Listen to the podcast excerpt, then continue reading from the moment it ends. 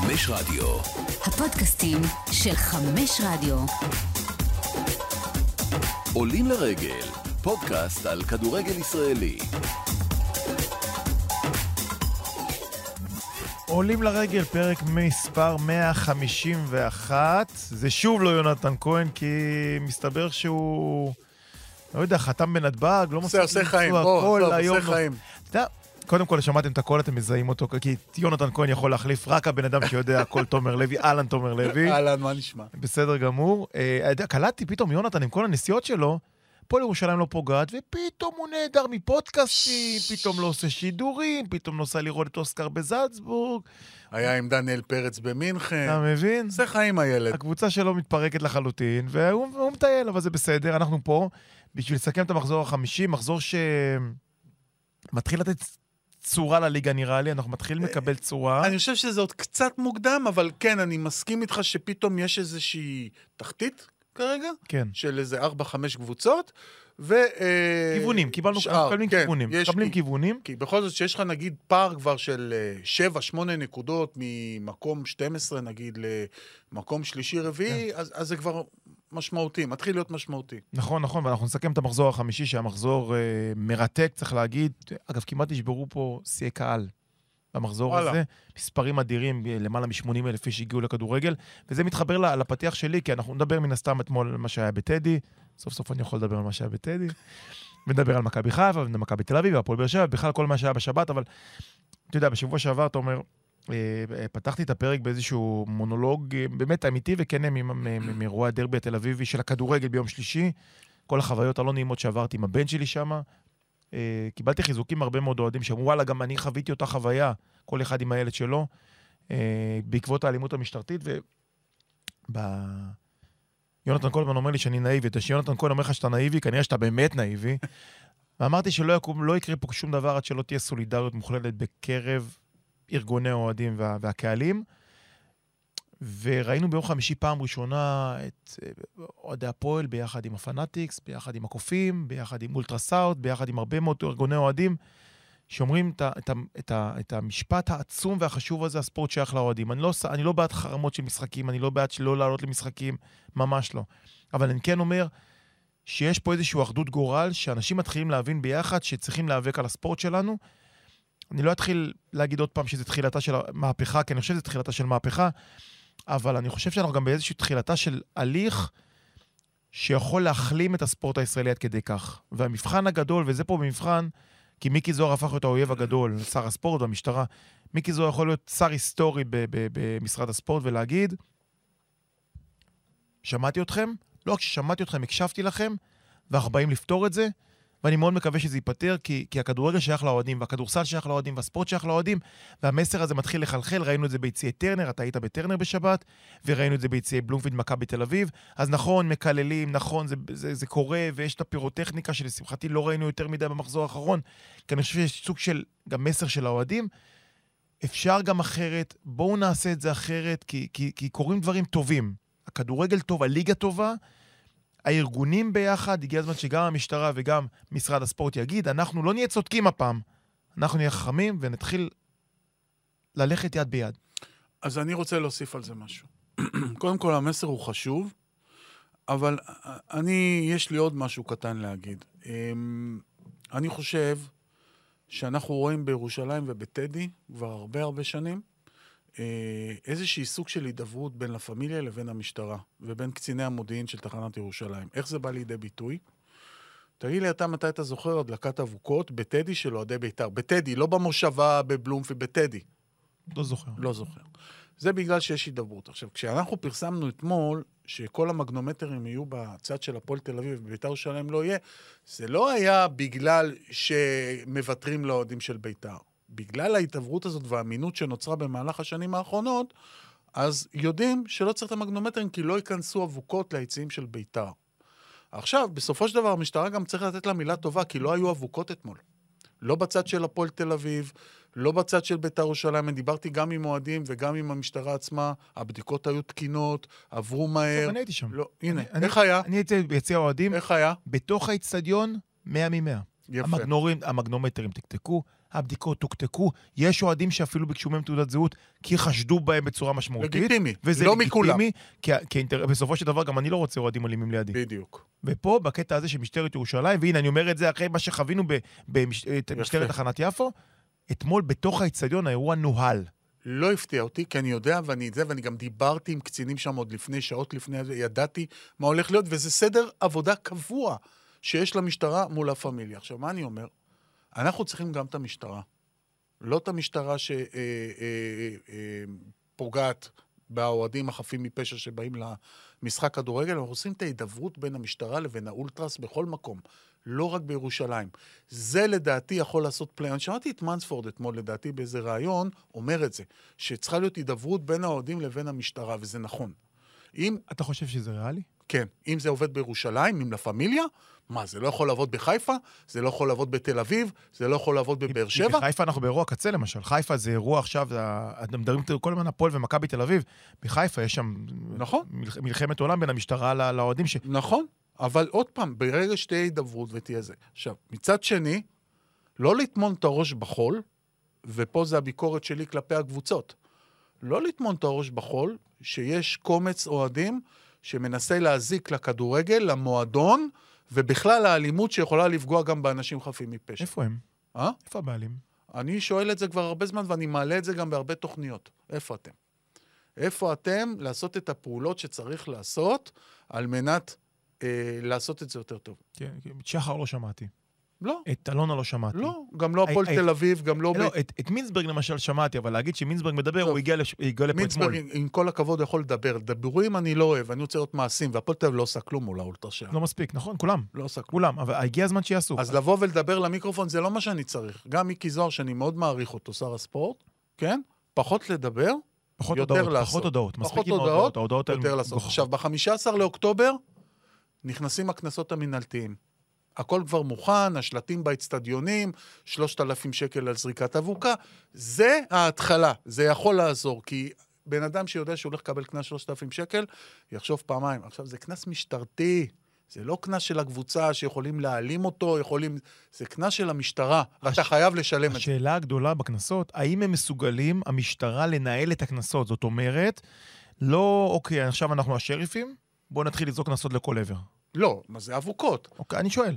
אני אומר. הם מסוגלים, אני הם מקווה. ערוכים לזה גם מבחינת אה, לוגיסטית עכשיו, בגלל זה חיכו עד ה-15 לאוקטובר ולא התחילו עם זה כבר מהשבת האחרונה, מהמם. ואני חושב שזה יתפוס וזה יעשה חלק מהשינוי. עכשיו, אני רוצה להגיד עוד דוגמה אחת. עם כל הכבוד להפועל באר שבע, לאולטרה שלהם, כן? מה ציפיתם אחרי שהדלקתם אבוקות? שהמשטרה לא תיכנס ותנסה לתפוס את מי שזרק את האבוקות? אני לא מבין. כמה יצאו מה- מה- מה- מהיציאה? יצאו, אני מעריך, אה, מעל 100, מהמם. אולי טיפה יותר אפילו. אה, ראית את החור באמצע, או. זו זכותם וזה לגיטימי, אבל מה ציפיתם שיהיה אחרי שהדלקתם אבוקות? שלא ייכנסו המשטרה? אז איך נטפל בבעיה? יש שני צדדים לכל דבר, אני חושב שצריך להביא את שני הצדדים. זה המסר. ועוד פעם, מסכים איתך לחלוטין, המשטרה צריכה להיות פחות אגרסיבית, צריכה לרכז מאמץ, להבין שלא כל בן אדם שעומד בתור הוא פוטנציאל אה, לעשות בלאגן, וכי זה לא ככה. והיום, אתמול בירושלים, ראינו משטרה חושבת, ביד... יפה, זאת המחשבה. הייתה חכמה ולא יפה. צודקת. כי המשטרה בתל אביב הייתה צודקת. יא, אנחנו צודקים ואנחנו דורסים. הייתה חכמה, כי, אתה יודע, היו הרבה מאוד אוהדים שקיללו את המשטרה אתמול. בסדר, שיקללו. בסדר, נו. עמדו מול שוטר. יש שוטר שמקללים אותו, נדלק לו הפיוז, הוא שם את היד על האשם שלו, ונכנס ליציע.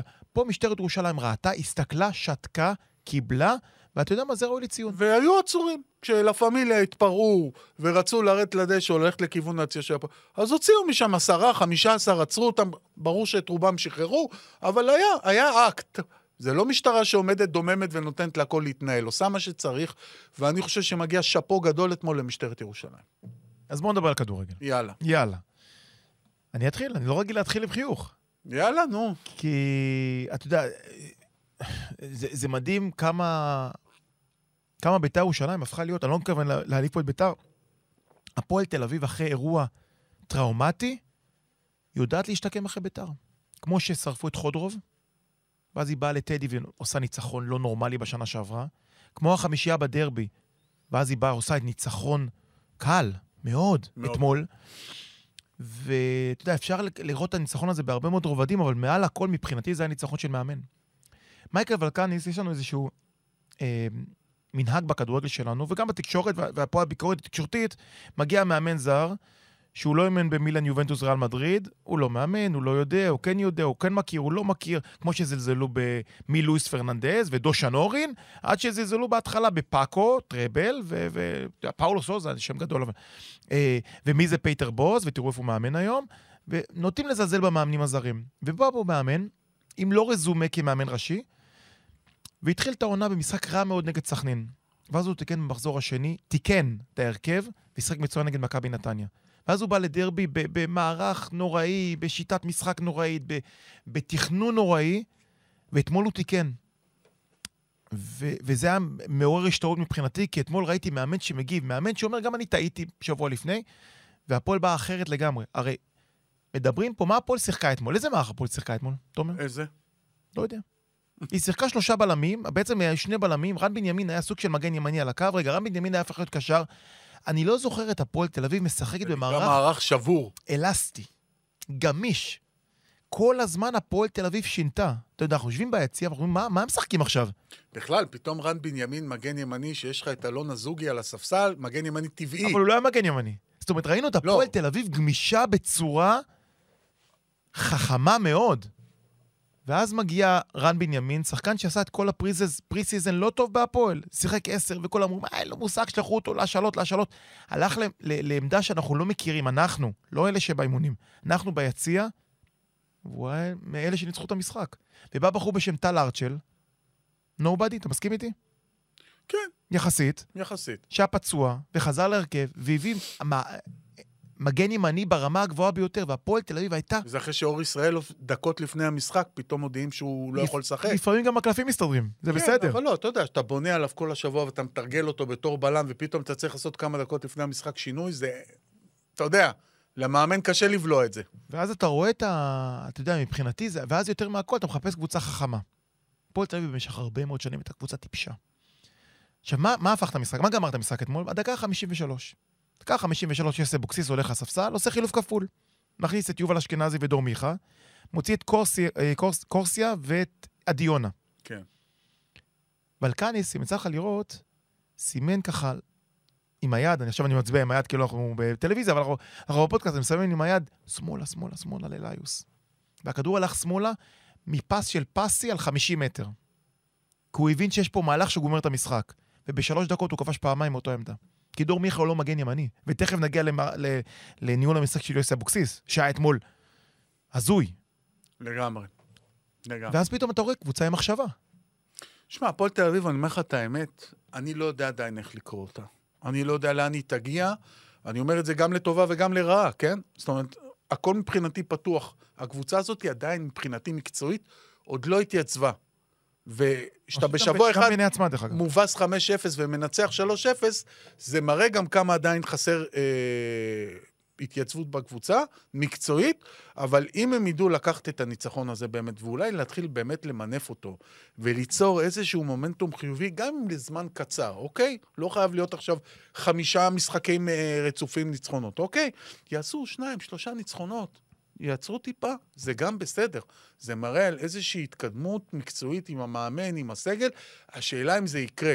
כי עד עכשיו, כמו שאתה אמרת, משחק אחד ככה, משחק אחד ככה, משחק אחד ככה, זה לא מספיק תופס. אתמול זו הייתה התגשמות הפנטזיה של הקיץ. מה זה הפנטזיה של אבל אני הקיץ? חושב שיוסי אבוקסיס עזר נורא להתגשמות נכון. הפנטזיה הזאת. תכף נגיע לביתר. אבל ההתגשמות של הפנטזיה הזאת באה לידי ביטוי מצד אחד צעירים שגדלו בהפועל, אגב, זו הקבוצה עם ההרכב הכי צעיר בליגה, ומצד שני, הטריו מלמעלה. ויותר מהכל- ממכבי פתח תקווה? עם טוקלומטי, עם הדר פור. אם, אם מחשבים את כל הדקות, קצת יותר, כן. אוקיי. הכי צעירים בממוצע. אוקיי? אוקיי. גם מכבי פתח תקווה, קבוצה מאוד צעירה, נגיע למכבי פתח תקווה, מה אתה דואג? מה אתה זוכר לא, במכבי אני לא פתח תקווה? דואג בכלל, אני לא... סתם יש איזה קשיש אחד, איזה מאור אחד. אבל נגיע גם לשם. ויותר מהכל, אתה יודע, יש לה...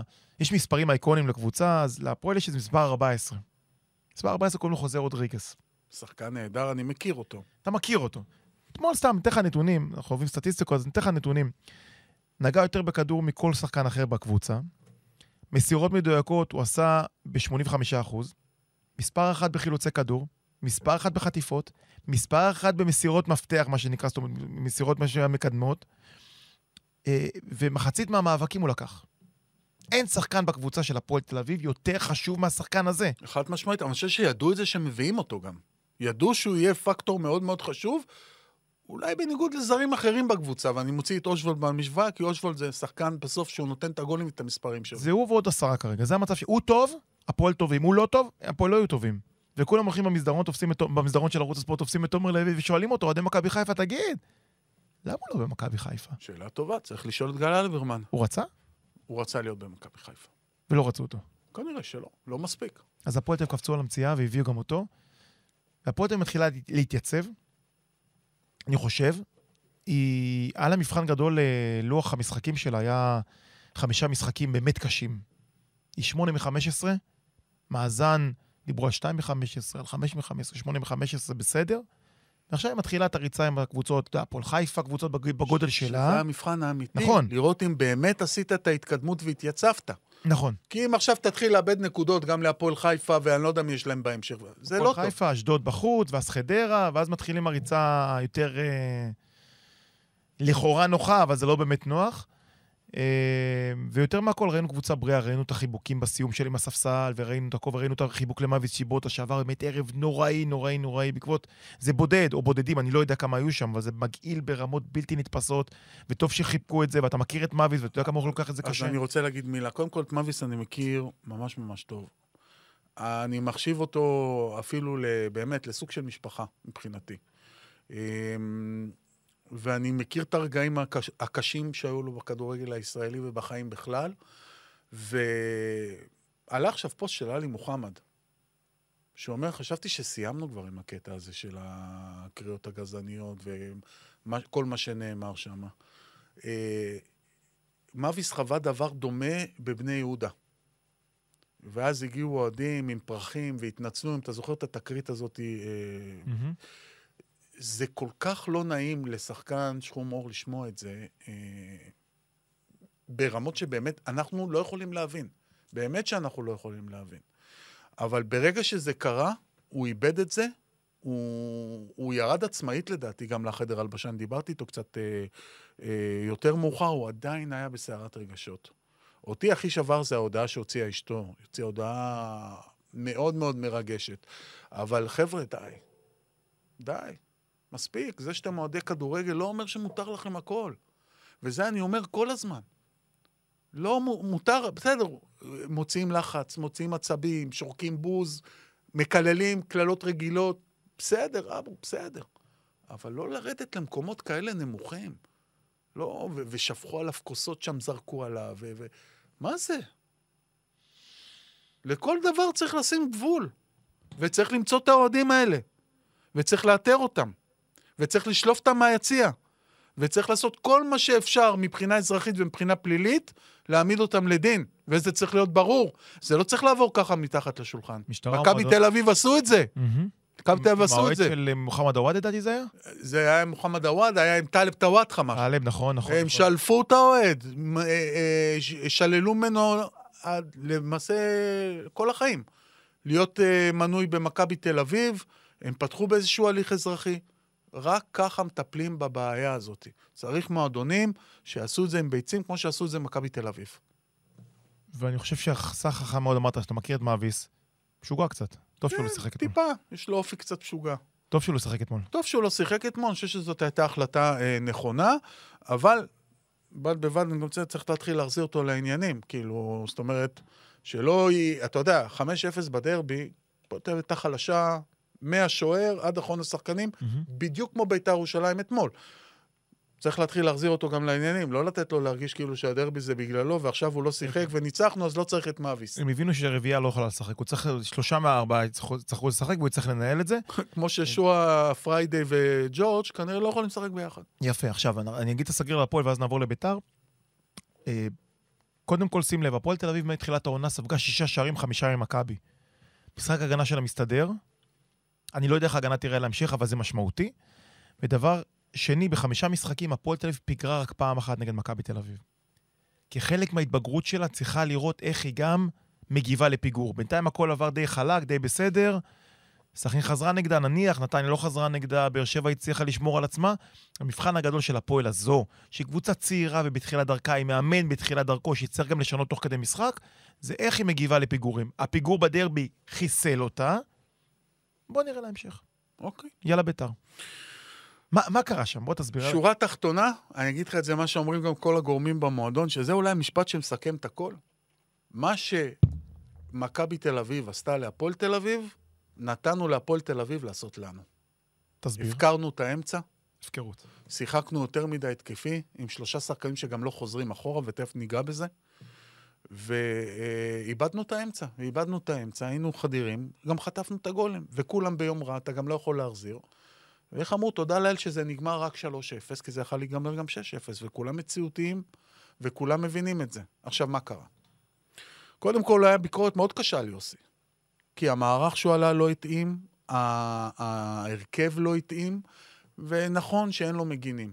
נכון שבן ביטון ומורזוב עלו כשהם לא כשרים.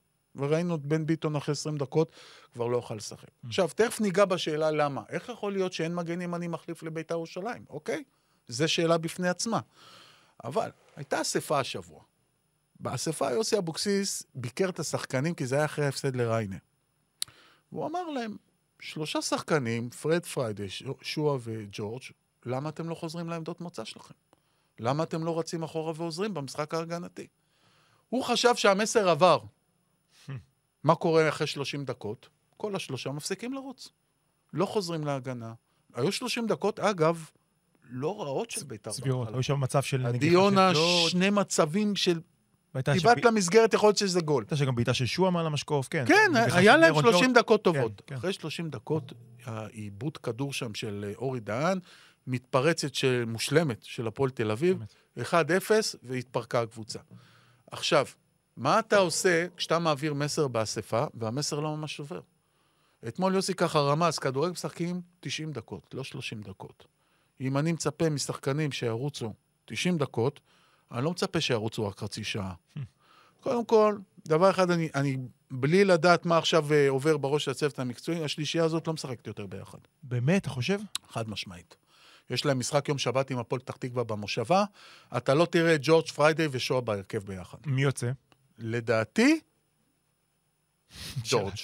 ג'ורג'. לדעתי ג'ורג', כן. אבל, שועה לא יצא. לא, הוא לא יוציא את שואה כרגע, אבל אני כבר אומר לך שהוא גם על הכוונת. וואלה. הוא גם על הכוון, ואם הוא לא יתחיל לחזור ל...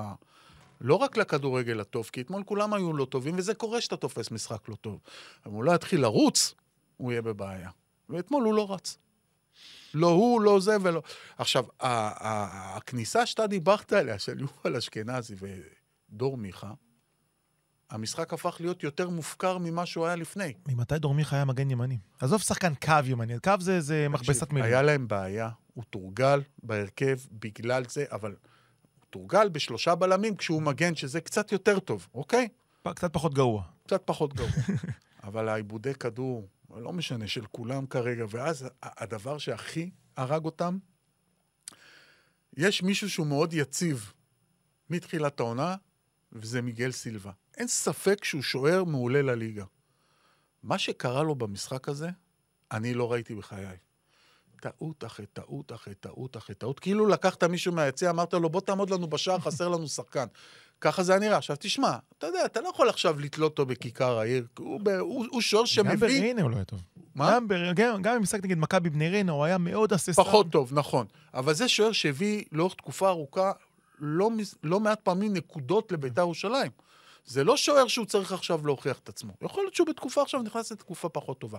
אבל מה שהיה במגרש, עדיפות הזויות, יציאות הזויות, שני, זה זה- היה... אתה יודע, זה, זה היה מטורף. עכשיו, כולם קרסו, אוקיי? עכשיו, השאלה, איך יוסי אבוקסיס מצליח להרים אותם? כי זה כמו שאתה אמרת, קודם כל זה הפסד שני רצוף. אני מוסיף, דבר אני שני- מוסיף, חמישה משחקים, הפסדת שלוש פעמים. נכון. ניצחת שני משחקים אחלה, נגד חדרה ואשדוד, שתי הקבוצות החלשות בליגה, בלי צל של נכון. ספק, נכון לעכשיו. נכון. וגם נגד אשדוד בשתיים אחת. לא היה חסר שם. אשדוד שכבו עליהם. ומיגל סילבה נכון, הביא להם נכון, נקודות. נכון, אוקיי? נכון. עכשיו, אתה עם שתי נקודות מ-15, עזוב שאתה צריך להיות עם 6. נגמר, היית עם מינוס 4, אתה עם 2 מ-15. זו קבוצה שנבנתה לפלייאוף עליון, אין פה בכלל עוררין. עכשיו, בואו נפרק את זה טיפה. האם הסגל הזה של בית"ר ירושלים הוא סגל מספיק איכותי? לפלייאוף עליון? כן. נראה לי שכן. האם ההגנה היא מספיק איכותית? זאת הבעיה. אין שם הגנה. משחק ההגנה של בית"ר, שאתה בונה, תסל... יסלח לי יוסי אבוקסיס, שאתה בונה על אורל דגני, שהגל שלו כבר הגיע לחוף, יסלח לי דגני, הוא כבר בסוף הקריירה שלו. והיה בן ביטון, לא משנה שהוא נפצע אתמול. אורי דהן בלם טוב מאוד, אין אגב, ספק. בן ביטון, פתיחת העונה שלו הייתה די טובה. נכון, נגד חדרה היה בסדר, ובסדר, עוד, הוא בסדר, אבל זה עוד פעם, שחקנים שכבר רואים את הסוף מאשר- מאשר רואים את ההתחלה. אבל אין לך מגן ימני. אבל מה, יפה, אז איך בנית את הקבוצה? פה אני שואל אין לך. מגן ימני, אין לך בלם זר. יש- בלם זר זר לא. שמשדרג אותך טיפה. גוטליב מחוץ לרוטציה לא יהיה. שמע, הוא היה פצוע, הוא עכשיו רק אה, חזר, אבל אה, הוא הבלם פחות מועדף מבחינתם. מבחינתם אורי דהן ודגני יותר טובים. אלה הבלמים הפותחים של בית"ר ירושלים מקצועית. אין- בעיה, השאלה אם קבוצה כזאת יכולה לשחק עם אורי דהן ודגני, זה מספיק טוב. זה לא מספיק טוב. זה לא מספיק טוב. עכשיו לא אתה מדבר. דיברת על השלישייה. אוקיי. גן יהודה היחיד, באמת, שאתה יודע, אין מה לעשות. לאורך השנים, הוא בלם טוב בליגה. בוא, לא, אי אפשר עכשיו לקחת אותו וזה. יש הרבה מאוד, אה, אפילו, אתה יודע מה, יש עונות בביתר, שהוא היה העמוד בטון כשהכל העסק התרסק מסביב. אז גם אם עכשיו הוא בתקופה פחות טובה נגיד, ועוד פעם, אתמול כולם היו קטסטרופה, כולם. כן? אתה, אתה, אתה רוצה איזה מגן בלם זר לצידו שירים אותו. אין. זה לא קורה. אין חלוץ מחליף. אם ג'ורג' ופריידי פותחים ביחד, אין לך חלוץ על הספסל. הקבוצה מבחינת הסגל לא מספיק מאוזנת. לא יכול להיות שאין לך מגן ימני מחליף. אז בואו נדבר על השלישייה. עכשיו, זה ברור שהשלישייה הזאת היא שלישייה, אני אתן את הקרדיט ללחמן, לחמן ניסח את זה, היא קבוצת קט רגל במובן הטוב של המילה. למה הוא מתכוון? לא עושים הגנה, לא עושים פעולות טקטי, לא חוזרים לעמדות, אבל כשהכדור אצלם, הם מתקתקים אותו יפה מאוד. וזה הימור של בית"ר ירושלים. האם בית"ר ירושלים רוצה את השכונתיות הטובה, או את השכונתיות הרעה? אני חושב שבית"ר תשחק נגד חדרה, היא יכולה להרשות לעצמה ששלושה שחקנים לא יורדים להגנה. שלושה שחקנים לא לוחצים, שלושה שחקנים הולכים, יכולה להרשות לעצמה. נגד קבוצות יותר טובות, בוא, מק- היא לא שיחקה נגד מכבי חיפה עוד? נגד מכבי חיפה שלושה לא שחקנים מכבי חיפה, לא מכבי תל אביב, לא הפועל באר שבע, ולא ואני- מכבי פתח תקווה. ולא סכנין.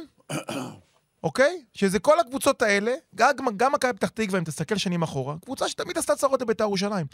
עכשיו, אתה אומר, נגד חדרה ואשדוד, שלושה שחקנים, תשארו למעלה, כמו בשכונה, כמו בקטרגל של שישי, אתה תשאר למעלה, ניתן לך את הכדור, תעשה לי גול, שנוכל לנצח. אבל זה לא העניין. זאת אומרת, אין הוראה להישאר למעלה. אין, זה האופי של השחקנים, אבל, תומר, פה, בוא, יוסי ידע מה הוא מביא. אז אתה לא יכול לשחק עם שלושתם אתה ביחד. יודע, יש לי חבר, תמיד, אני- תמיד אני אומר עליו, כמו שהוא, אותו חבר שאמר שמוסקרה הגיע למכבי תל אביב, הוא אמר, הוא לא ישחק במכבי תל אביב, כי הוא לא מספיק טוב למכבי תל אביב. אותו חבר אמר לי, אמרון ג'ורג', הוא אומר, תשמע, הוא מוכשר מאוד, הוא גולר, הוא עצלן. עכשיו, לא עצלן, עצלן זה מילה נורא גדולה ונורא מעליבה. הוא לא אחד שיעשה את הפעולות ההגנתיות, אם הוא היה עושה את הפעולות ההגנתיות, הוא היה במקום אחר. אז יכול להיות שהוא צריך להתחיל על הספסל. זה מה שיקרה. הוא יתחיל על הספסל, או פריידי, לא משנה. יתחיל על הספסל. ואם הקבוצה תצטרך אותו, אז הוא ייכנס, אבל זה כבר, אתה יודע, in משהו ואתה. מהמר. יפה, בדיוק. לא להתחיל ככה את המשחק. עכשיו, הלו, איפה אוצ'קו? אוצ'קו שיחק, היה מצוין, מה, איך העלמתם אותו? נכון. אתה זרקת את סורו למים כי רצית מאוד את סורו. סורו אתמול איבד ים של כדורים. אולי צריך בהדרגה. אוצ'קו היה טוב, היה יציב, היה חזק. עכשיו, אתה בא מול הפועל תל אביב, תשחק עם סורו ואוצ'קו ביחד. עכשיו, בוא נדבר על הפיל בחדר, יוסי אבוקסיס. יוסי אבוקסיס יוסי אתמול, מנהל משחק בדרך כלל מבריק. אתמול הוא קרס, כמו כל אתמול הקבוצה. קרס, אחי, אתה יודע, התמונה שלו בשידור, ראיתי אחר כך את השידור בבית, אחרי הגול השני, שהוא אומר לעצמו, יואו, מה עשיתי? איזה טעות עשיתי. כזה. הוא שהוא עשה את החילוף, היה, החילוף של, החילוף הכפול היה קטסטרופה. חילוף גרוע ממדרגה נכון, ראשונה. שגמר את המשחק. גמר את עכשיו המשחק. תקשיב. אני אעשה לך סיפור. המסיבות עיתונאים, לא שבאים להתראיין לזכיין אחרי המשחק, שבאים למסיבת עיתונאים. במסיבות עיתונאים האלה יש הרבה מאוד סיפורים. אני ב- מעולם, מעולם לא ראיתי את יוסי אבוקסיס מרוסק כמו שראיתי אותו בזה. עכשיו, מה היה המשפט הראשון שהוא אמר? אני מעולם כמאמן לא אימנתי או לא הייתי במחצית כזו גרועה מבחינת כדורגל, מתכוון למחצית השנייה. מהמם. זאת אומרת, זו המחצית השנייה הכי גרועה שלי כמאמן בכדורגל הישראלי. מאמן של 25 שנה, 20 שנה. שזה משפט מאוד מאוד uh, חזק. המשפט השני היה, כמובן שזו אחריות שלי, הכל עליי. אני לוקח את זה גם במערך שעליתי, גם בחילופים, גם בניהול משחק. ואז התחלנו להיכנס טיפה לזה. אבל אתה ראית שהוא כאילו מרוסק ברמות שאני לא מכיר, ואני 30 שנה מגרשי כדורגל. וראיתי הפסדים גם הרבה יותר גדולים מ-3-0. הוא היה מרוסק, גם בגלל שהוא הבין שזה עליו. גם בגלל שאני מעריך שזה כבר היה אחרי אה, שיחה עם ברק, כי ברק היה אצלו בחדר אה, תקופה של זמן ארוכה, ואני מעריך שהוא אמר לו מה שאחר כך הוא גם אמר בסביבתו, שזה הפסד של מאמן. שזה קודם כל הפסד של מאמן. ואני לא חושב שיוסי מתווכח בכלל, אני חושב שיוסי מסכים. ואומר את זה. השאלה הגדולה, איך הוא מרים את הקבוצה. קודם כל, עכשיו, בדקות האלה שאנחנו מדברים, יש איזו אספה ארוכה, ואני מעריך שהוא נותן שם בראש, וגם לוקח את האחריות על עצמו. אבל, מעבר לזה, השינויים המקצועיים שהוא הולך לעשות לקראת הפועל פתח תקווה. כי מה שהיה עד היום, אני אומר לך בוודאות, לא יכול לקרות. לא יהיה יותר. לא יהיה יותר. טוב, אז זה המשחק המרכזי, שעורר הרבה סיפורים. נלך יום אחד, קדימה, יום אחד אחורה. אה, מכבי חיפה חוזרת לנצח, הנה, זה משפט שלא אמרנו כבר כמה, שלוש שנים. אה, מנצחת את מכבי נתניה 3-2. אתה אהבת את מכבי חיפה נגד מכבי נתניה, תומר? אני אגיד לך משהו אחד. אני מאוד אהבתי את מסיידגו, ואני אסביר לך למה. קודם כל צריך להיות מובן לכולם. גם אם מסה היה מפסיד את המשחק בנתניה, אין כרגע מחשבה בכלל לשחרר אותו ולהביא מישהו אחר. במכבי חיפה נותנים לו את המושכות ורוצים לראות לאורך זמן איך זה מסתדר. מה אהבתי? את ההיררכיה. מסה הבין שהוא חייב לעשות היררכיה. אני גם אהבתי את ההיררכיה שהוא עשה. כלומר, יש שרי מספר 1, רפאלוב מספר 2, דיה סבא מספר 3. רפאלוב לפני דיה. כן. עזוב את החילוף. כן. כן? כן? כן, כן. אוקיי. ראית את זה גם במשחק. עכשיו, מה זה אומר? למה שרי היה כל כך טוב אתמול? כי לא דרכו לו על ה- על לא האצבעות. דרכו לו, היה לו את החופש שלו, לעשות את העבודה שלו כמו שהוא יודע. קבוצת כדורגל חייבת היררכיה. מסה הבין את זה, עשה כראות עיניו, לדעתי גם עשה נכון, כי אה, שרי זה הברומטר והמנהיג הכי גדול של הקבוצה, עם כל הכבוד לרפאלוב, שאני מאוד אוהב אותו, והוא אה, שחקן בית של מכבי חיפה, והוא חזר עכשיו למכבי חיפה. בקבוצה הזאת יש מנהיג וברומטר אחד, וזה שרי. רפאלוב גם, אני חושב שמקבל את זה, כי רפאלוב, אני רואה את הפעולות שהוא עושה בחדר הלבשה, Mm. לפני, אחרי משחק, תוך כדי משחק, אתה רואה שהוא מאוד מאוד חיובי כלפי הקבוצה.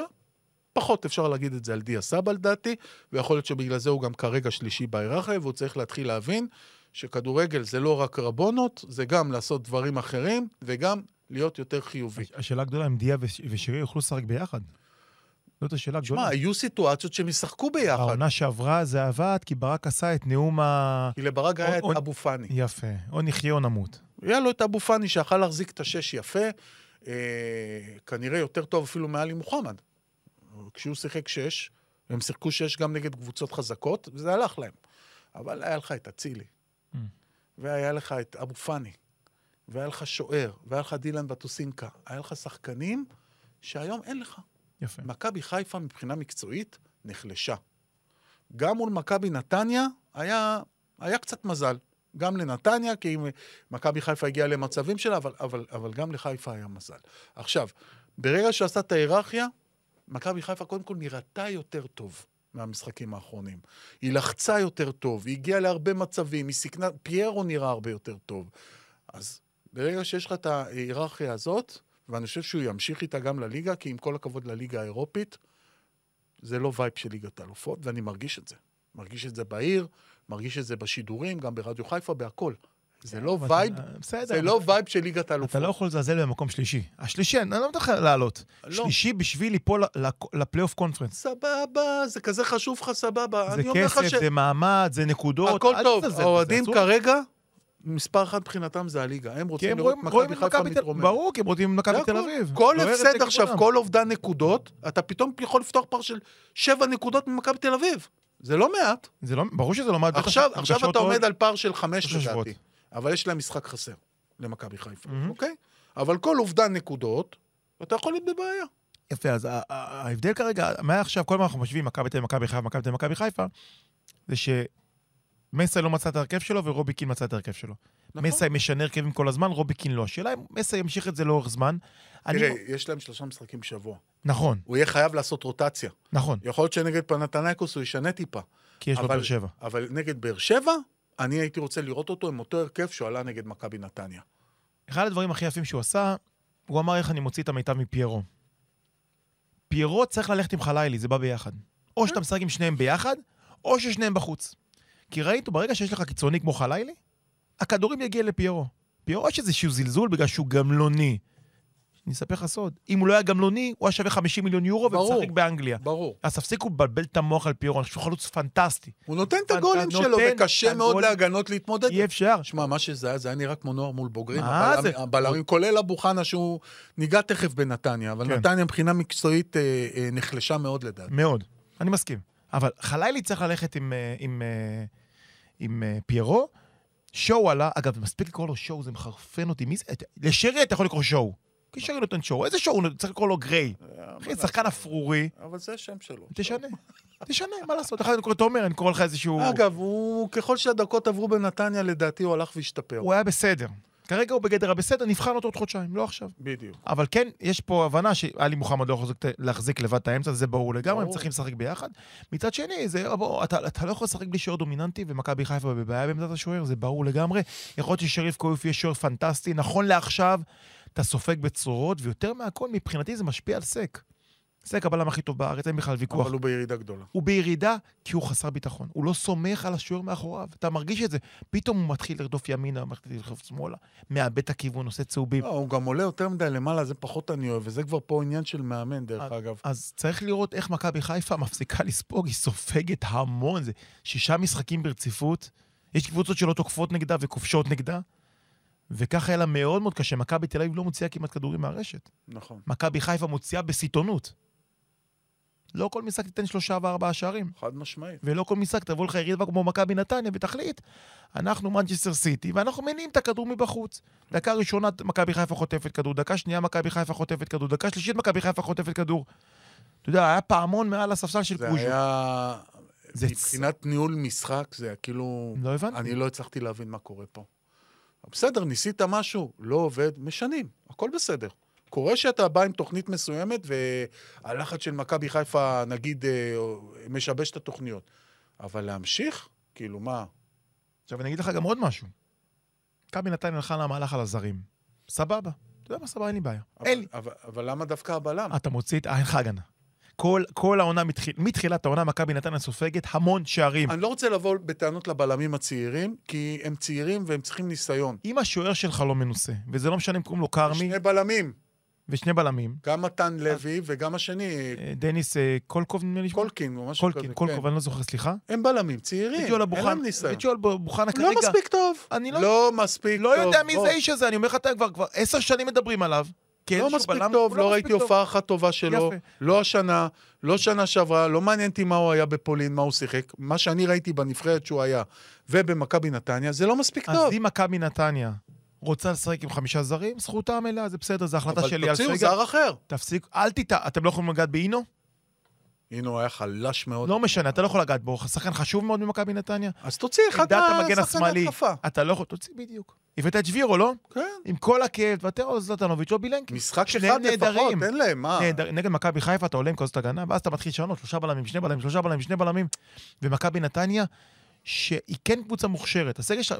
ברור, אבל מה זה עוזר שהם מוכשרים שעוז בילו ובר כהן לא פותחים בהרכב? אז מה אתה עושה? אז גם- מה עשית בזה? גם, ואז רוטמן, ואז בילנקי, ואז לטנוביץ', ואז שבירו, אתה צריך ליצור גם פה סוג של היררכיה, וכרגע מכבי נתניה, כמו בשנים קודמות, מתחילה את העונה במינוס. עכשיו לך תרדוף. עוז בילו ובר כהן, בר, בר כהן זה עונה מאוד חשובה מבחינתו. אני חושב שהוא מאוד מוכשר, אגב, גם עוז בילו מאוד מוכשר, אבל אני חושב שבר כהן, גם בביתר ירושלים, לא הצליח להיות שחקן הרכב שנה שעברה, שהוא היה מושאל. הוא היה עולה כמחליף, הוא היה עולה זה, גם היה לו בעיה קצת של מספרים, הוא הבקיע בגביע, הוא לא הבקיע כמעט בליגה. אני חשבתי שבמכבי נתניה הוא כן יהיה שחקן הרכב. לעלות מהספסל זה נחמד, בקבוצה כמו... הכל טוב ויפה, אבל בר כהן צריך לעשות איזושהי קפיצה. והוא צריך לעשות את הקפיצה הזאת כשחקן מוביל. הוא כרגע לא שחקן מוביל במכבי נתניה. ועוז בילו, להפתעתי, כרגע לא שחקן מוביל במכבי נתניה. הם שניהם שחקני ספסל, עוז בילו מקבל, לדעתי, כרגע פחות דקות אפילו. עכשיו, מה קרה? עזבו שחקנים מאוד משמעותיים. רז שלמה היה מאוד משמעותי. על איתמר ניצן אני פחות מדבר. אה, טוואמאסי, גנדלמן, שלושה שחקנים מאוד מאוד משמעותיים. תלך עוד טיפה אחורה קרצב? קרצב טיפה אחורה, אוקיי, למרות שהם הסתדרו גם בלעדיו יפה, משנה, עדיין. הוא עזב כבר איזה. אוקיי, עכשיו. מי, מי בא? אבו חנה, איתי בן שבת, שזה שני בלמים לא ברמה של רז שלמה, מקסים בא לאמצע. מקסים פולקוצ'נקו, שהיה ברור שהוא לא, לא ישולב, ואני מדבר עובדתית, הוא, הוא לא משולב. הוא לא משחק, והוא היה בסגל השבוע, אבל בדרך כלל הוא גם לא בסגל. לדעתי. הוא פתח פעם אחת בהרכב מתחילת העונה, נדמה לי. הוא לא, הוא לא בתוכניות שלהם, הם גם חשבו שאולי הוא יעזוב עד סוף החלון העברות. ואיתי שבירו, שזה בהחלט... איתמר. איתמר שבירו, שזה בהחלט אה, אמור להיות חיזוק טוב, אבל הוא, אתה יודע, צריך לתת לו קצת זמן, כי הוא לא שיחק מתחילת העונה. אתה יודע, זה לא הכנה רגילה מבחינתו. אה, זה לא מספיק טוב, לעומת השחקנים שעזבו. נכון. זה לא מספיק טוב. והסגל של מכבי נתניה נחלש. ואני מאוד מופתע שזה מה שאלמוג כהן הביא, וזה השחקנים שהוא באמת האמין בהם. זה נראה לי קצת מוזר, ולמכבי נתניה יהיה בעיה. אני לא יודע, אני מתאר לעצמי שהיא רצתה להיות בפלייאוף העליון, ברור. אני לא בטוח שהיא יכולה להיות. ואני מסכים, ואנחנו... מי שכן מתחיל, אתה- אני לא יודע אם מתחילה להסתדר, אבל משחקת הרבה יותר טוב זה הפועל באר שבע. אתה גם היית בטרנר ביום שבת האחרון. נכון. והסיפור של הפועל באר שבע, אני חושב, האם היא תלמד את הלקח מהחלטות לא רשמיות שהתקבלו בקבוצה, ואני מדבר על אנטוניו ספר. אוקיי, אני רוצה לדבר עליו. סיפור אדיר. כשהוא הגיע, אמרו מאוד פשוט, כוכב כדורגל, מאוד לא בשל, פעם ראשונה יוצא הם מרומניה, עקבו אחריו הרבה זמן. עקבו אחריו, המלצות מפה ועד ג'אנם. שחקן, אגב. ואז רצו להשאיל אותו לאשדוד? כן. רצו- ניסו גם עוד קבוצות. ניסו לפזר אותו לכל הליגה. ומה קורה? מי נהיה go to guy? מי נהיה איש המספרים של הפועל באר שבע? אנטוניו ספר. איך אתה מסביר את זה? זה סימפטום הפועל באר שבע קלאסי. סימפטום האי-סבלנות. והמסקנה היא, תהיו סבלנים. יכול להיות שהזרים שהבאתם ועקבתם כל כך טוב, הם טובים. כמו, כמו שעקבתם, אגב, אחרי פוקו. שזה שחקן, תשמע, יוצא... זה שחקן שמשדרג. ש, מש, ש, שדרוג, בדיוק. יפה. עכשיו, אני מקווה שגם הקשר ההתקפי המרוקאי-הולנדי שמגיע מדינמו טביליסי, אני מקווה שהוא גם משדרג, כי אז זה באמת יתחיל לעשות את באר שבע יותר אה, אה, חזקה. אבל צריך להבין דבר אחד. אה, זרק ברדה במסיבת עיתונאים, אחרי המשחק כמו הפועל ירושלים, אתם כבר שלחתם אותו, את ספר. אמרתי, מי שלח את ספר? אתה שלחת את ספר. המנכ"ל שלח את ספר, אלונה שלחה את ספר. אתם חיפשתם לו קבוצה, לא אני. אני לא התקשרתי לאשדוד, שאלתי, אתם רוצים להשאיר את ספר? גם לא תפקידי, כן? זה אתם עשיתם את זה. אז מה, מה זה הזריקה הזאת של הזה? לא אגיד לך גם שיחות פנימיות, אתה יודע. הם לא רצו. הם האמינו בו, הם חשבו ששנת השאלה תעזור לו מאוד, הם לא רצו להפר את החוזה להפך, הם רצו שהוא יחזור יותר מחושל, מאוד מאמינים בו, אבל הם רצו לפנות אבל הם משבצת רצו. לפנות משבצת לזר יותר טוב. מה קורה? פתאום, הוא, הוא, הוא, מכל הזרים, הוא מביא מספרים. הוא כל משחק או כובש, או מבשל, במשחק האחרון הוא גם כבש וגם בישל. גולים נהדרים, אגב. גולים. נהדרים, שחקן שתוקף את השער, שמאיים על השער כל הזמן. יש לו ראיית משחק. הגול שלו היה גול מאוד מאוד יפה. מאוד. צ'יפ יפה מעל השוער, נחמד, מזכיר לי משהו, אבל אה, לא, ברצינות עכשיו. היה גול מאוד יפה, הוא שחקן טוב. עכשיו, ב, ב, במצבת זרים כרגע של הפועל באר שבע, אז יש את פוקו, אתה דיברת, יש את uh, ספר, וזהו. פטרסון לא מספק סחורה. קלימלה, אם לא שער שאתה יודע שכאילו, אתה לא יכול להחטיא, אין, אין מה לעשות. ולופה שהוא, אתה יודע, זה לא אותו לופה של uh, השנים האחרונות כבר. סוגר את הפינה. עמדת סוגר את שמאלי, הפינה. אין מגנים שמאליים. לא משדרג, טובים. סוגר את הפינה, שחקן טוב, טוב, לא משדרג את. הפועל באר שבע, אוקיי? אני חושב בסדר. הבנת? עכשיו, אני אומר, אתה מביא זרים, אתה רוצה שהם ישדרגו. עכשיו, בהפועל באר שבע קרה בש... במהלך שנה האחרונה, שלא רק שלא שדרגו, זאת אומרת, לא שלא שדרגו, שיותר מדי זרים לא שדרגו. עכשיו פתאום, אם הזר ההולנדי טוב, אז יש לך את ההולנדי, יש לך את פוקו, יש לך את ספר, פתאום יש לך שלושה זרים טובים. אתה מבין? עכשיו פטרסון אומרים בוא ניתן זמן, בוא ניתן זמן. קלימלה אמרו בוא ניתן זמן, נתנו זמן, לא קרה כלום. כן, זה- קל- קלימה לזה כבר המון זמן. בטח, אני גם אומר- בתחילת דרכו. חכה. הכל טוב, אבל אני אומר, זר, שהוא טוב, שהוא צריך לשדרג קבוצה, אתה רואה את זה מההתחלה. פטרסון, אתה עוד לא רואה כלום. עכשיו, מה, בוא, זה עשרה, 12 משחקים רשמיים, כולל אירופה, כל... חבר'ה, מה? תראה משהו. אין נראה עד ינואר. יש להם עד ינואר. עד ינואר. כי ספר, עוד פעם, ספר זה מדהים, כי ספר עשה, מבחינתי, אני קורא לזה סימפטום פקארט, בסדר? אתה זוכר את פקארט? בטח. הביאו תומש פקארט. בואנה, תשמע טוב, תשע, מפלצת. בואנה, שחררו אותו אחרי יומיים וחצי. עכשיו, נתן גולים בליגה, והוא לא מספיק טוב. והוא לא מספיק טוב. באר שבע צריכה להיות קצת יותר סבלנית, וחשוב שהיא תהיה ככה. ויותר מהכל, יש לה משחק ביום ראשון נגד מכבי חיפה. משחק ראשון מאז המכות, נכון? אני לא טועה. כן. מקווה שיעבור כמו שצריך. לא, אני מאמין שכן. אני בקטע כן. הזה של השחקנים, אני מאמין שכן. הרבה כבר הוציאו את באר שבע ממאבק האליפות.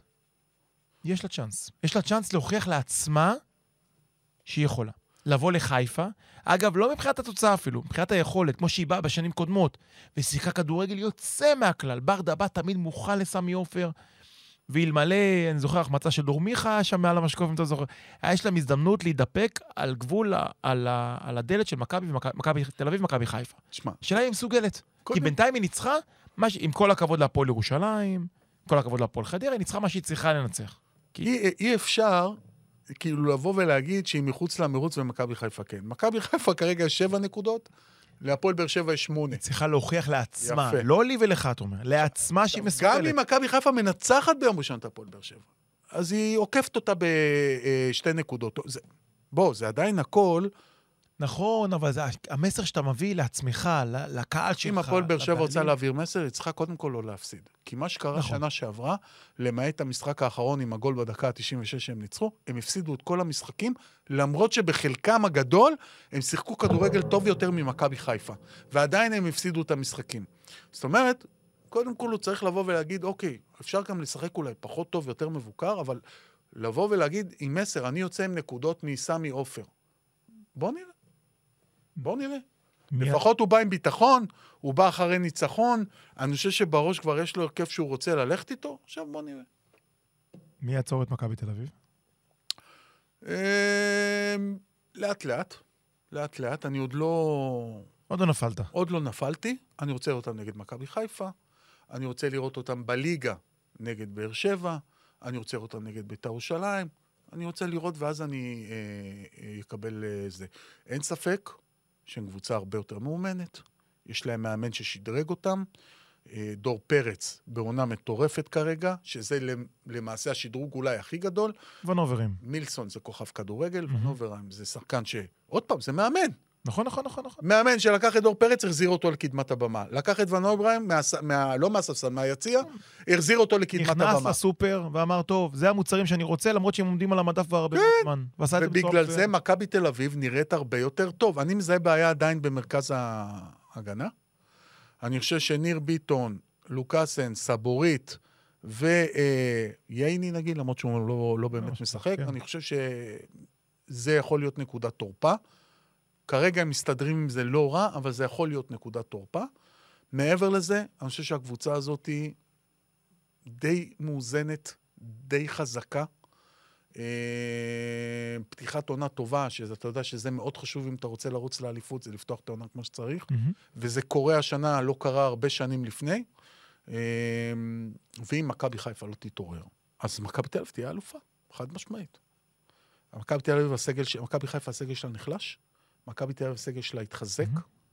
לא משנה אם משתמשת עוד פעם בשחקנים שכבר היו ולא היו בשימוש, או הביאה גם שחקנים חדשים, כי גם אסון מגן ימני מצוין, מהמם. ומילסון זה כוכב כדורגל, כוכב, אמרנו. מיוחד. ודור תורג'מן זה חלוץ אדיר לעלות מהספסל, אה, ורוי רביבו זה מגן שמאלי אדיר, שהוא כבר שחקן הרכב לכל דבר.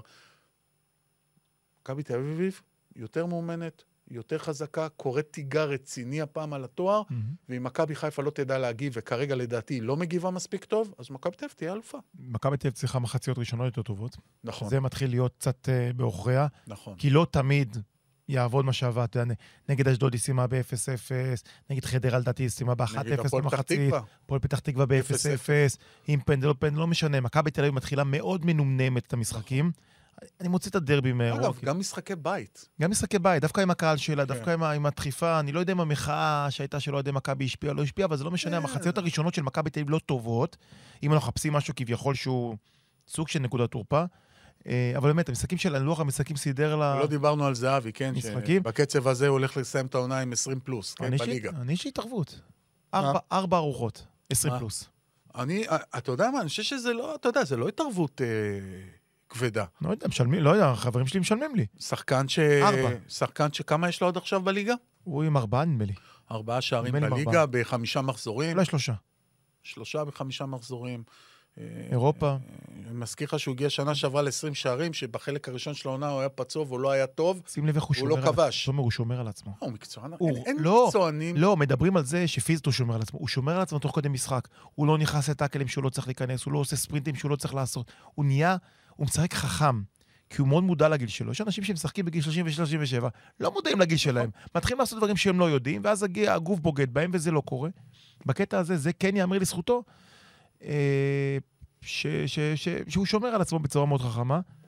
אגב, מצחיק אותי, ישבתי לראות את המשחק של מכבי תל אביב נגד הפועל פתח תקווה עם חבר, וכשהוא החמיץ את הפנדל השני, הוא אומר, אין, חייבים להחליף בועט. מה, תקשיב טוב, אם מסי בא עכשיו למשחק של מכבי תל אביב, זהבי לא נותן לו את הפנדל האחרון, כי זה ערן זהבי. ערן זהבי, גם כשהוא מחמיץ שני פנדלים, הוא היווה השלישי, היווה הרביעי והיווה החמישי, כי זה זהבי, ומכבי תל אביב נראית מצוין. שנייה משהו? שנייה שאני קוטע אותך. הנה, עכשיו הייתה אספה של אה, בית"ר ירושלים. אתה אפילו בפודקאסט לא נותן breaking news, יאללה. אספה עם השחקנים היום. אה, נגמרה לא מזמן, שעתיים. יוסי הראה להם את כל המשחק קצר, שטף את כולם. אמר להם שהוא לא מקבל את זה, אה, שהם יראו כמו... אה, שהם... שהם- הוא לא מקבל את מה שקרה, והם יראו את זה כבר בימים הקרובים. הוא מתכנן לשנות הרבה דברים. אה, דיבר איתם על נאיביות, שהוא לא מוכן שאנשים ישחקו ככה, לא מוכן שפתאום משהו גורם לכזאת ירידה קיצונית ביכולת, אחרי פתיחה טובה. זאת אומרת, במקום אימון, ממה שאני מצליח להבין, הוא פשוט עשה להם אספת וידאו שהראה להם את כל המשחק, איזה עונש זה. עבר אחד-אחד, איזה עונש. וכנראה מגיע להם. יש לך עוד news לתת לי באמצע הפודקאסט, או שזה... לא, אתה יכול להמשיך. אה, יופי, בסדר גמור. תמשיך להעביר את החומרים לאתר. אה, אז דיברנו על מכבי תל אביב, אה, אני חושב שהסיפור בה"א הידיעה של פתיחת עונה זה מכבי בני ריינה. שאתה יודע, זה נחמד לנצח ולעשות תיקו ולא להפסיד מתחילת עונה חמישה משחקים, הכל נחמד. אבל לחזור מפיגור נגד בית"ר ירושלים לניצחון.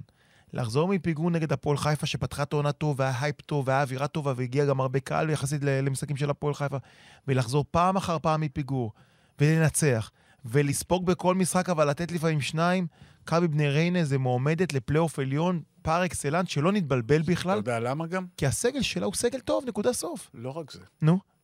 איזה הגרלת עונה אכזרית הייתה לה, היא לא הפסידה אף משחק. ריינה, נתניה חוץ, כמו, כמו מכבי פתח תקווה, זה שתי הקבוצות כביכול הקטנות שלא הפסידו מפתיחת הליגה, נכון. תקשיב טוב. שלוש, שלוש קבוצות לא הפסידו ביחד עם מכבי תל אביב. נתניה בחוץ. אה, באר שבע באר בבית. שבע. אה, מכבי תל אביב. תיקו אה, חוץ. תיקו חוץ, מה היה להם בית- עוד? ביתר בית, ביתר בית. ובשתיים אחת על והפועל חיפה, שהפועל חיפה בא מהמקום הראשון, במומנטום שיא, בחוץ. זאת אומרת, זו הגרלה באמת אכזרית. והם לא הפסידו אף משחק, ניצחו שניים. כל הכבוד. כל הכבוד. ובגביע הטוטו הם נראו קטסטרופה, הפסידו את כל המשחקים. מימר אמר את זה מדהים, הוא אמר, גביע הטוטו לא מעניין אותי. זה לא אכפת לי, אני אמרתי, אני רוצה להגיע לליגה בריא. הוא אמר את זה בצורה כנה ואמיתית, וזה, וזו עובדה. יש איזושהי פיקציה שגביע הטוטו, וואי, אלה טובים בגביע הטוטו, ואז אתה מגיע לליגה ואתה מתרסק. רכש נכון, גד עמוס, אחד השוערים הטובים בליגה. פנטסט, נהדר. אה, אף אחד לא ידבר. רועי שוקרני. רועי שוקרני עושה עבודה גדולה, אחד השחקנים המצטיינים, אני אומר לך, בריינה, מתחילת העונה. עושה עבודה גדולה באמצע. ואוסמן שהגיע. אוסמן, שלומי אזולאי, שאתה יודע, זה כבר חלוץ ותיק, דו-ספרתי כל עונה, הבחור הזה, דו-ספרתי מפקיע כל עונה. גול כל משחק. אתה רואה פתאום את התשוקה שלו, שלומי אזולאי זה אחד שאם ממאיסים עליו את הכדורגל, הוא לא בא לו לשחק. אתה רואה את התשוקה, אתה רואה את זה, יש להם ספסל טוב, יש להם זרים טובים. שמע, הקבוצה הזאת התחברה בצורה נהדרת, באמת, כל הכבוד. הפועל חיפה זה, זה פיקציה של תחילת עונה, או שהיא לא, תהיה טובה? אני לא חושב, כי הסגל הוא מאוד מאוד איכותי. גיא מלמד זה החלוץ הכי טוב בליגה, יחד עם ערן זהבי לדעתי. אני איתך. אה, מוחמד קמרה, חלוץ מצוין, מפקיע פחות, אבל חלוץ מצוין. תומר יוספי, להביא מהפועל באר שבע, זה שיחוק, שחקן שתורם מאוד, שחקן הרכב. אה, נאור סבק, להביא מאשדוד, שחקן ג'רפי בשער, שוער נהדר. מאיים בו בלם נהדר, היה לו משחק פחות טוב נגד אה, ריינה, אבל הוא בלם יוצא מהקהל. חאתם אל-חמיד, אה, קולובלי, שהגיע, הבלם הזר. הקשר מגנט שאמור לנחות עכשיו, והוא צריך להיות קשר יוצא... עם הדרכון והמכונת כביסה? כן, אבל בסוף, הוא. יגיע בסוף הוא יגיע. קבוצה חזקה, עכשיו מאוזן. לדעתי יש אולי קצת בעיה בעמדות המגן השמאלי והמגן הימני. לא מספיק אה, איכותיים לטעמי, זה הנקודות תורפה כרגע שאני רואה בהפועל חיפה. שאר הקבוצה נהדרת, חזקה, אני לא מתפלא על הפתיחת עונה. כן התפלאתי על ההפסד של אה, לריינה, זה היה קצת נאיביות גם של הפועל חיפה, אבל אה, קבוצה שבהחלט מועמדת לפלייאוף העליון, והשנה אני גם חושב שהם יכולים לעשות את זה ובאמת אה, להגיע. אם אתה משווה את הסגל שנה של הפועל חיפה לסגל שנה שעברה, הסגל הזה הרבה יותר איכותי. ורוני גם חיבר אותו טוב, מגיע גם לרוני לוי, זו מילה טובה. מגיע לו חד משמעית, ומגיע גם למכבי פתח תקווה מילה טובה, הנה הגיע הרגע שלך. אה, מכבי פתח תקווה, לא יודע. מי, מי זה השמונה הזה באמצע שמנהל את המשחק ככה? סתם, עזוב. עגלה, עגלה. תגיד לי, אני רוצה... אני, בוא, אנחנו פודקאסט, מותר לדבר על הכל. יאללה, בוא. איך, איך נראית שבת של משפחת לוי? הוא מקבל תדרוך לפני המשחק, הוא מקבל תדרוך אחרי המשחק, טלפונים תוך כדי, מה, מה הולך שם? עכשיו צריך להגיד, רגע, אני אגיד לפני, מאור משחק, תומר במגרשים. נכון. תומר לא רואה את לא המשחקים רואה של מאור. שזה מאוד קשה. אני יודע, בטוח. יותר קל לשבת בבית ולראות את המשחק, מאשר לא, לא לראות את המשחק ולחכות לפושים כל הזמן שמגיעים. תראה, השגרה היא מאוד פשוטה. הוא בא אלינו הביתה בצהריים, הוא אוכל אה, ארוחת צהריים, אז הוא הולך לנוח, אה, והוא הולך למשחק. אשתי בדרך כלל והבנות נוסעות למשחק, ואני הולך למשחק שלי.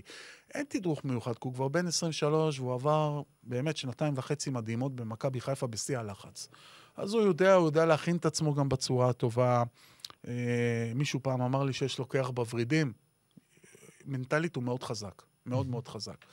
אה, אני גם משתדל לא להציק לו לפני, אני מקסימום שולח לו איזה אס.אם.אס שיהיה בהצלחה, תהנה, דברים כאלה, לא... אה, זה. אה, מאוש ביקורת עצמית, אחת המטורפות שאני ראיתי, לפעמים זה מעלה לי את הסעיף גם, שהוא כל כך ביקורתי. קשה עם עצמו. נגיד במשחק שמגיע לו שש, והוא אומר לי, מה, הייתי חלש, הייתי זה, הייתי... הוא מאוד מאוד ביקורתי. יש לזה גם צדדים חיוביים, אבל לדעתי יש לזה גם קצת צדדים אה, שליליים, שהוא צריך לדעת פחות להחמיר עם עצמו. אה, ואחרי המשחק, כמובן, אתה יודע, אם תוצאה פחות טובה או המשחק שלו פחות טוב, אז קצת שיחות, ומה צריך לשפר ומה זה, ותמיד הוא בא הביתה. גם אם זה באחת בלילה, יושבים, רואים את המשחק, מנתחים אותו כמובן, וואלה.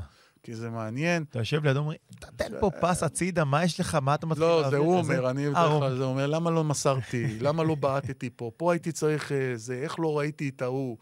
אתה מבין, זה משחק שהוא היה טוב. הוא מסתכל בעיקר על הדברים שהוא עשה לא טוב, הוא לא מסתכל על הדברים הטובים. ואתה יודע, שיחות קצת זה, מנתחים וזה, הולכים הביתה, וחשוב מאוד, אני אומר לו, יש את החוק הזה, ברק בכר פעם אמר על ה-24 שעות. אומר לו, גם במשחק שהיית גדול, גם במשחק שהיית פחות טוב, חייב אחרי 24 שעות לשחרר. היה לו משחק נגד הפועל ירושלים פתיחת העונה. הם עשו אחת-אחת, מהמם. לא היה טוב. לא, כל הקבוצה לא הייתה טובה, אבל הוא לא היה טוב. יום, יומיים, שלושה, וואלה, שחרר, מאור, חלאס. זה- זה לא טוב להחזיק את זה כל כך הרבה בבטן. לא, אבל למה הייתי כזה זה, ולמה... אמרתי לו, תשחרר, תשחרר, אחרת לא... ואז הגיע המשחק מול הפועל חיפה, נתן משחק מצוין, אתה יודע. הוא, יהיו לו משחקים פחות טובים, הוא עדיין צעיר כשחקן שאמור להוביל קבוצה בליגת העל. הוא כולה בן 23. יהיו לו משחקים פחות טובים, יהיו לו משחקים יותר טובים. הוא חייב לדעת לווסת את, ה, את הביקורות שלו, אבל סך הכל, באמת, גם, גם כקבוצה, אני מאוד מופתע ממכבי פתח תקווה. אתה מופתע? כי היא צעירה והיא רעבה, היא לא מפסיקה לרוץ. מאור, כשהוא משחק 90 דקות, אתה צריך להבין, הוא רץ בערך 11 וחצי קילומטר למשחק, שזה מטורף. עכשיו, יש עוד כמה כנראה שרצים ככה שם. ויש להם רעב, ואני חושב שהפתיחת עונה הטובה עשתה, גם נתנה להם ביטחון, וגם אה, אה, הרעב הזה, אתה יודע, אתה למעלה, אתה מצליח, אתה זה, אתה... עכשיו, יהיו להם משחקי נפילה, יהיו להם, כי הם, בסופו של דבר הם מכבי פתח תקווה. הם לא מכבי חיפה, הם לא מכבי תל אביב, הם לא באר שבע, יהיה להם נפילות, אין מה לעשות. היה להם אה, משחק כזה נגד אשדוד, שהם היו פחות טובים, אבל הם הצליחו לא להפסיד. יהיה להם כאלה. אבל סך הכל, פתיחת עונה נהדרת, לי מאוד קשה, כאילו בזמן המשחק.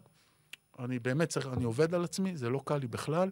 גם כשאני רואה את המשחק, גם כשאני לא רואה את המשחק, אבל זה חלק מהעניינים. אני מלווה אותו מגיל תשע, אתה יודע, זה אף פעם לא היה לי קל. גם בנוער, נערים, בנבחרות ישראל, אף פעם לא היה לי קל. אם אתה יושב ביציע, כובש, קופץ, או יושב בשקט? אה, לא יושב בשקט, אבל גם לא קופץ, עושה יש עם הידיים, זה, אתה יודע, הבן שלי מבסוט, מפקיע גול, אני לא. דופק חשבון לאף אחד, אה, שצריך להיות ברור לכולם. גם אם הוא יפקיע גול נגד מכבי חיפה, אני אגיד יש, הכל בסדר. אבל לא... לא, אתה לא יכול לבקש סליחה כזה? כן, לבקש לא, סליחה, לא. שהוא יבקש. שהוא יבקש. אבל לא, אתה יודע, לא משתולל, לא עכשיו אה, קופץ באוויר וזה, מבין את המקום, מבין את הסיטואציה, מבין מי אני גם. הכל בסדר, אבל בש- בשורה התחתונה אני גם אבא של הילד. תראה, אנשים וכשהוא שוכחים קצת. כובש, כולנו שמחים, כולנו זה. עכשיו אני רוצה לתת לך דוגמה.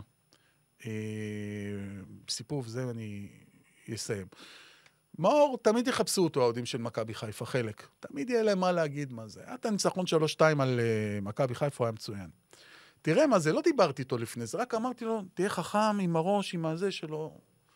נגמר המשחק, כל השחקנים של מכבי פתח תקווה הולכים לחגוג, הוא הולך לצד של מכבי חיפה, מדבר עם השחקנים, לוחץ ידיים, מחבק. חוזר לצד של מכבי פתח תקווה, הם התחילו לרקוד, כולם, אתה יודע, עם המעגלים. כן. הוא עומד בצד ומוחא כפיים.